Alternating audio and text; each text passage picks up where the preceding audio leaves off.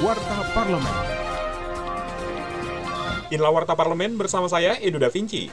Wakil Ketua DPR RI Mohaimin Iskandar meminta pemerintah pusat dan daerah kompak dalam menghadapi lonjakan kasus COVID-19. Penyelesaian COVID-19 yang tumpang tindih di awal pandemi, menurutnya jangan terulang lagi, terutama di wilayah yang tingkat penyebarannya tinggi. Ketua Umum PKB ini mendesak pemerintah pusat dan daerah segera mengambil kebijakan emergensi, berupa pemetaan dan pembatasan mobilitas warga untuk mencegah terus melonjaknya kasus positif dan kematian akibat COVID-19. Warta Parlemen.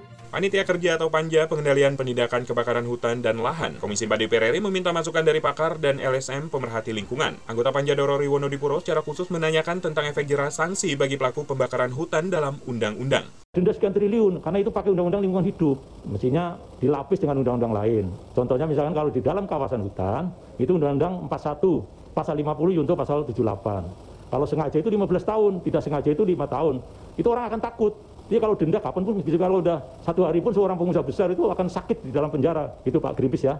Itu itu yang perlu Pak, pendapat Bapak itu. Banyakan denda yang dilakukan. Yang juga ini undang-undang perkebunan. Itu menyatakan di sana buka kebun tanpa izin dan membakar itu hukumannya lima tahun denda 5 miliar ya. Saya kira ini perlu Bapak tanggapi apakah memang undang-undang sudah cukup atau pelaksananya yang belum maksimal.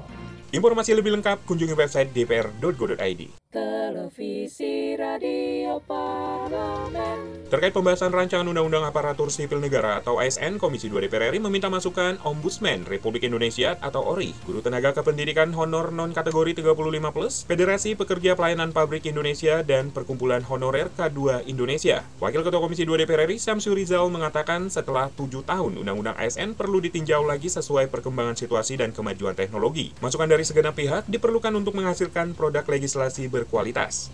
Demikian Warta Parlemen, Produksi TV dan Radio Parlemen, Biro Pemberitaan Parlemen, Sekjen DPR RI.